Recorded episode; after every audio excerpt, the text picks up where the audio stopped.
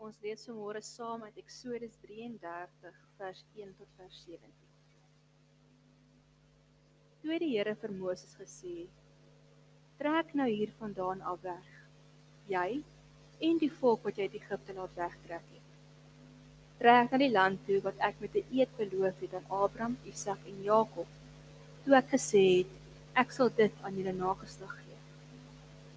Ek sal my engel voor jou uitstuur en ek sal die Kanaaniete, Amorite, Hetiete, Ferisiete, Jewite en die Jebusiete verdryf.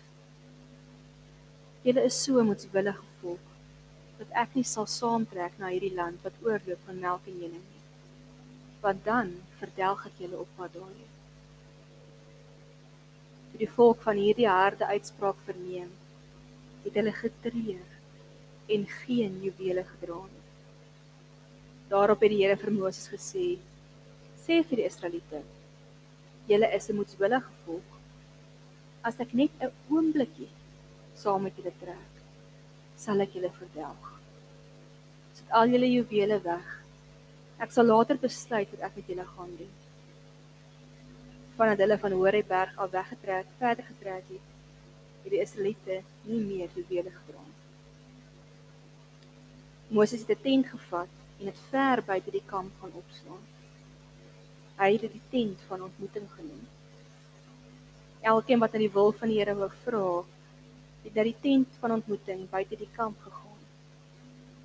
Elke keer wanneer Moses na die tent toe uitgegaan het, het die hele volk opgestaan. Elkeen by die ingang van sy tent bly staan. En Moses agterna gekyk tot hy by die tent ingegaan het. Sodra hy ingaan, het die wolkkolom afgekom en by die ingang van die tent van ontmoeting gaan staan. En dan het die Here met Moses gepraat. Wanneer die hele volk die wolkkolom by die ingang van die tent van ontmoeting sien staan, het elkeen by die ingang van sy tent gebuig in aanbidding. Die Here het direk met Moses gepraat, soos 'n man met sy vriend. Daarna as Moses terugkom toe, maar sy assistent, die jong man Joshua, seun van seun van Nun, het nie die tent van ontmoeting verlaat nie. Op 'n keer het Moses vir die Here gesê: "Kyk, U beveel my met hierdie volk trek sonder om my mee te deel vir wie U saam met my stuur. Tog het U gesê: Ek ken jou op jou naam. Ek is jou goedgesind. As U my dan goedgesind is, maak my U wil bekend sodat ek U kan leer ken en kan doen wat U verwag. Onthou tog, hierdie nasie is U volk. Toe die Here gesê, toe die Here gevra, moet ek self saamgaan en vir jou vrede gee. Toe het Moses vir hom gesê, as U nie self saamgaan nie, moet U ons nie van hier af laat wegtrek nie. Hoe sal die mense weet dat ek en die volk U goedgesindheid geniet as U nie saam met ons gaan nie? Dit is juis hier dat u saam met ons gaan dat ons ek en die volk anders is as al die ander volke op die aarde. Die Here het vir Moses geantwoord: "Ook wat jy nou gevra het, sal ek doen. Ek is jou goedgesind en ek ken jou op jou naam." Ons lees dit daar. Nou as van julle dalk nie verlede week hier was nie, Ons het die verhaal van die goue kalf in Eksodus 32 gelees. En ons gepraat oor hoe hierdie kalf uitbeeld dat ons baie keer God wil aanbid op 'n manier wat vir ons gemaklik is. Ons wil God sien as 'n genadige God vol liefde en barmhartigheid en vrede. Maar ons besef nie dat alhoewel God dit alles is, hy ook 'n God is wat regverdig is en heilig is. En toe hierdie volk hierdie kalf maak omdat hulle moeg gewag was en hulle God op hulle voorwaardes waanbid. Het die Here kwaad geraak. Hy het woedend geraak lees ons in Eksodus 32. Soveel so dat hy vir Moses gesê het ek gaan hierdie volk doodmaak. Ek gaan hulle vernietig. En Moses het by die Here gepleit en hy het hom gevra Here asseblief wees hierdie volk genadig. En deur sy gesprek met tussen die gesprek tussen God en Moses het God te vir Moses gesê, dis reg. Ek gaan nie hierdie volk vernietig nie. So God het berusting gevind, as ek dit nou so kan sê, om saam met om nog steeds vir Israel as sy volk te beskou. Maar iets het verander. Elke verkeerde ding wat ons doen, elke sonde, soos hierdie volk se sonde wat eintlik die dood verdien het, die vernietiging verdien het, die goue kalf, het gevolge. Daar's mos 'n wetenskaplike wet wat sê elke reaksie het 'n teenreaksie. En so werk dit in die lewe. So werk dit ook in ons geloof. Elke ding wat ons doen, het 'n gevolg. En ons lees hierdie gevolg van hierdie volk se sonde vandag hier in hoofstuk 33. Dit is dalk 'n bietjie 'n moeilike hoofstuk om te lees. Nie een wat maklik op 'n mens sit. Dalk ook nie presies wat jy verwag het toe jy die woorde gehoor het met die vraag wat God ons gevra het op SMS. Wil jy self wil jy hê ek moet self saam met jou gaan en jou vrede gee? Ons het nie verwag eintlik wat hier gebeur het nie. Want jy sien sonde bring afstand tussen ons en God. Sonde maak dat ons ver van die Here af. Baie keer niks glo jy het ook al beleef dan sal ons in ons lewens besig wees, dit kos vir ons eie dinge. En nou kom ons agter maar asof ons gebede net nie connect verbind met die Here nie. Dis daai tyd wat ons partykeer voel, Here, bid ek net in die plafon vas. Hoorie my. Dis tye wat ons die woord vat en lees en dan lees ons oor dit en dan maak ons omtrent dan sê ons ons het niks gekry nie. Dis tye wat ons in 'n preek kom sit en sê, "Waar hoor jy die dominee nou vandag gepraat?" Sonde maak dat ons sukkel om God te hoor. Ek wil die beeld gebruik en ek en ek dink dis 'n beeld wat op wat ek dalk al voorheen ook gebruik het, want dit is hoe my gedagte met sonde werk. Is dat sonde 'n skeidsmuur tussen ons en God maak. Elke keer wanneer ons sondig, is asof ons 'n baksteen vat en 'n muur begin bou. En as ons aangaan en voortgaan daarmee, dan word hierdie muur al hoe hoër en al hoe breër. En ons word al hoe verder en ons voel al hoe verder van God. En dis presies wat hier gebeur het met hierdie volk Israel. Hoor jy die woorde van God? Hy sê vir hulle: "Julle kan gaan na hierdie land toe wat ek julle beloof. Ek bly getrou aan my beloftes soos verlede week ook gehoor het. Ek bly God. Julle kan gaan en al daai beloftes gaan swaar word. Maar ek gaan nie saam met julle gaan as ek net 'n oombliekie is dit 'n split sekonde? Hoe kort is daai oombliekie? Maar God sê vir hulle as hy net 'n oombliekie saam met hulle gaan gaan hy hulle moet vernietig hy stuur sy engel saam met hulle 'n boodskappe so hulle is nie alleen nie hulle is bewus God is op by hulle maar God self kan nie saam met hulle gaan Ek dink nie daar's iets erger in hierdie wêreld wat ons kan beleef as om te dink God gaan nie saam met ons nie. Ons dink rampe is erg, ons dink siekte is erg, ons dink nood is erg. Maar daar's niks in hierdie wêreld wat erger kan wees as om te weet die Here gaan nie saam met ons nie. En dis wat hierdie mense ook beleef.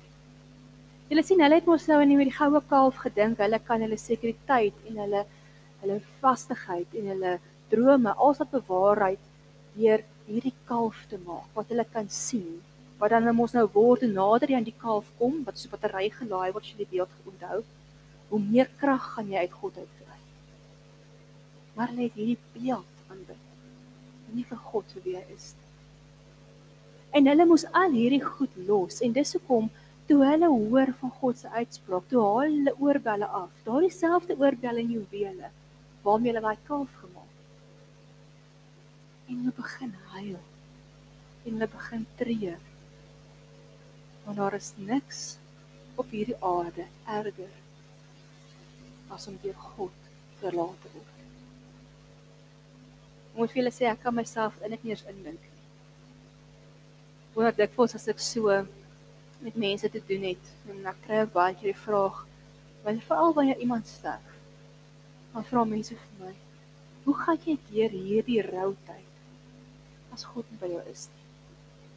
Hoe as jy nie glo nie, hoe hoe gebeur dit? En dan antwoord ek altyd mense, weet jy ek weet nie. Want ek kan my nie indink deur enigiets in my lewe te gaan en die Here is nie by my nie. Maar sien, hierdie volk se sonde was so groot dat God in sy heiligheid nie by hulle kon wees.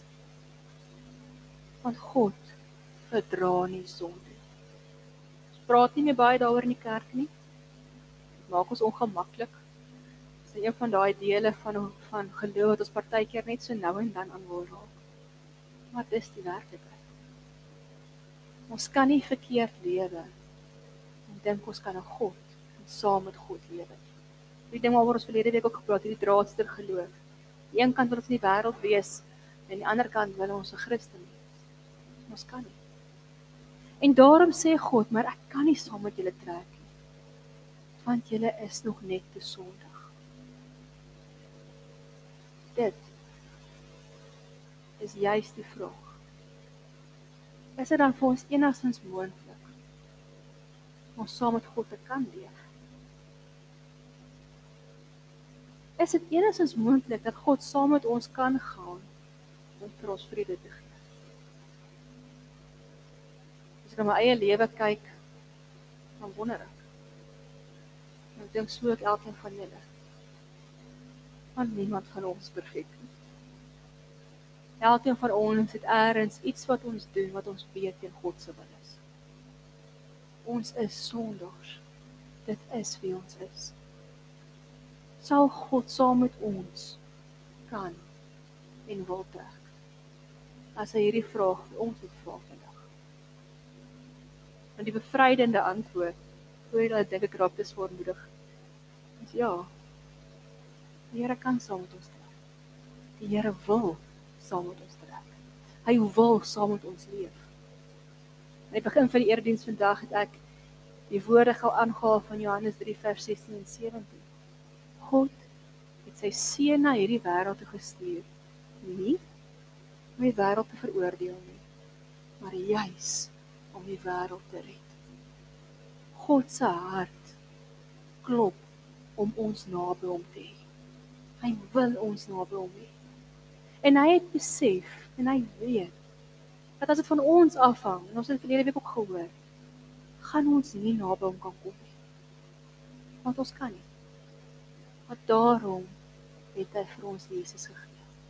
En daarom het Jesus aan die kruis, en jy sal hierdie woorde onthou, uitgeroep op 'n stadium hier aan die einde. My God, my God, waarom het U my verlaat? Want jy sien, Jesus het al hierdie sonde op hom geneem. Al hierdie afstand wat hierdie sonde bring, het hy gedra. En daarom het hy in sy grootste nood gevoel God is nie by hom. Maar hy het dit gedoen vir ons juist te wys hoe lief God ons is. Om vir ons juist te wys dis hoe God ons naby hom wil trek. Dis hoeveel God sal insit en gee sodat ons na hom kan wees. Wat 'n amazing, ongelooflike God is hy. Dat hy alles moontlik doen sodat ons na hom kan. God wil saam met ons gaan. Elke dag. Hy wil saam met ons trek. Hy wil ons nie net sy beloftes gee en ons los nie. Hy wil saam met ons loop elke sekonde van elke dag. Hy wil ons vashou. Hy wil ons dra. Hy wil by ons wees. En hy het alles gedoen sodat dit kan waar word. Maar God doen dit nie net en los ons dan om aan te gaan en te lewe soos ons lewe. Wat onthou, hy steeds 'n heilige God. En heilige God vereis van ons 'n heilige lewe. Die briewe van Petrus praat nogal baie daaroor wat hy sê Wees heilig want ek is heilig. God wil hê ons lewens moet anders lyk. Ons sien dit nog aan hierdie antwoord van Moses op wat Moses sê. Here, as U nie saam met ons gaan nie, hoe kan ons gaan? Dis hierdie noodkreet wat ons ook het. Nou gaan hy verder en sê hy: "Maar Here, as U nie saam met ons gaan nie, hoe sal die ander volke weet dat ons U kinders is?" Want dis God wat ons lewens verander. Dis God wat ons help om heilig te wees omdat hy weet ons kan dit doen. Want hy weet hoe ons sukkel en hoe ons val keer op keer op keer. Maar is omdat ons lewens anders lyk dat ons kan getuig wie God is. Want ons is nie op hierdie aarde gesit om vir onsself te leef nie. Ek sal dit seker nog 200 keer weer sê. Ons is nie hier vir onsself nie. Ons is hier om met ons lewens te getuig wie God is. Maar dan moet ons lewens ook verander. En ons het hierdie ongelooflike voorreg as kinders van God om selfs al is ons sondig, selfs al verdien ons die dood soos hierdie mense die dood verdien het, het Jesus in ons plek kom staan. En kan ons nou met vrymoedigheid na God toe gaan en sê Here kom help my om te verander dat ek u goedheid werd is. Dat ek u liefde werklik reg beantwoord. Want jy sien ons lewe nie reg. En ons lewe nie volgens God se wil en die gebooie en naaste liefde omdat ons voel ons moet nie, omdat ons voet uit skuldgevoel uit doen. Ons doen dit uit dankbaarheid. Ons doen dit omdat ons vir God God wil sê, Here, as U vir my so genadig is en so lief is, kan ek nie anders as om my lewe ten volle vir U te wil gee. Dis die beginsel van geloof. Dis tot ons kinders moet leer. Jy dien die Here nie omdat jy bang is vir straf nie. Omdat jy bang is jy beland in die hel nie. Jy dien die Here omdat jy antwoord op sy genade en sy liefde. Ons lewens moet verander. Nou hoe verander ons lewens? Om meer te word soos God wil hê dit moet wees, om heilig te word soos hy wil hê dit moet wees. In die eerste plek onthou hierdie ding. Ons doen dit nie alleen is God wat saam met ons gaan wat ons help hier. En dis ook net nou voor ons gelees gesê ons moet stil raak by die Here. Ons moet onsself oopmaak dat God met ons kan praat en kan sê watter dinge in ons lewens is nie meer reg nie. Watter dinge wil hy aanraak? Watter dinge wil hy verander sodat ons kan word soos wat hy is? Ons kan leef wat mense hom kan raak sien. Die eerste ding wat hierdie mense gedoen het Okay, so God doen alles vir ons, maar ons het ook 'n deel. En die eerste ding wat hierdie mense gedoen het, toe hulle hoor dat die impak van hulle sonde beteken dat hulle nie meer naby die Here kan wees nie, is hulle het gehuil. Hulle het getree. Dit beteken hulle het in rou gegaan. Hulle het dit wat hulle belangrikste in die lewe was, verloor en hulle het gewys. voordat ons nader aan God kan kom, moet ons werklik opreg in ons harte jammer wees vir dit wat ons verkeerd het. Ons moet berou hê. Jy weet mos is ons as mense. Ek leer so baie by kinders. Maar ek dink ek ons is nog as groot mense presies dieselfde. As die twee boeties en sissies mos nou beklei, dan sê ons ma en pa mos vir hulle sê jammer vir mekaar. Was dit nou reg geweest? Nee. Sê jammer. Jammer né? Nee? Ja. Is daardie daar's daardie geforseerde jammer, daardie geforseerde berou van ag ek wil nie regtig jammer sê nie, want ek is eintlik nog vies vir jou of wat wat ook al dit is. En dis wat ons baie keer dink met God ook doen. Hy kom na ons en ons voel in ons hart deur die Gees ons praat en ons sê, "Hoorie, jy's nie heeltemal nou reg nie. Gaan maak reg. Gaan sê jammer." gaan gee vir daai ene, gaan doen dit. Dan luister ons nie. As Here laat ons vra hoekom en hy kom praat weer met ons, hoekom het jy dit nie gedoen nie? Dis ag, jammer Here, maar ehm um, ek het al hierdie verskonings. Dis mos hoe ons is. Dis nie opregte jammer nie. Ons sê jammer en die woorde is daar. Maar in ons hart besef ons nie die impak En God wil hê ons moet besef dat elke keer wanneer ons iets doen wat nie in sy wil is nie, breek ons hierdie verhouding met hom. Net soos hierdie mense. Dit is die implikasie van sonde. In Genesis 3 het dit gebeur, deur die Bybel gebeur. Ons moet opreg jammer wees. En ons kan net opreg jammer wees wanneer ons besef hoe groot gaping ons sonde tussen ons en God bring. So in die eerste plek moet ons aan daardie gesindheid begin werk. Moet ons net vir die Here sê ag ja, jammer nie. In ons hart, in ons gees moet ons werklik sê, Here, hierdie ding wat ek nie besef is verkeerd. Of weet ek dalk besef is verkeerd. Maar werklik, ek is jammer. Ek dink dit gaan vir ons baie meer vat om by daai punt te kom wat ons dalk dink. Want as mense sê ons nie sommer en maklik opreg dankie. Ag opreg jammer. Maar dis waar ons moet begin. En na hierdie berou gehad het, na hulle hart opreg jammer was, gehuil het voor die Here. Sê Here vergewe ons. sien ons bekering. 'n Bekering is 'n woord wat ons baie in die kerk gebruik en in geloof gebruik, maar ons dink partykeer ag dit is nou hierdie weird ding. Ons nie heeltemal seker wat dit is nie. Dalk vir die kinders vir die kinders vanmôre kerkraad was. Hulle weet dit daar. Ons weet wat bekering is, dis daar eers. Ons is nie heeltemal seker wat is dit. Nou kom ek verduidelik vir julle so. Ek dink hierdie verhaal beeld vir ons so mooi prakties uit hoe lyk 'n lewe waar ons nader aan God wil kom, waar ons hom vra Here kom help ons om heilig te wees.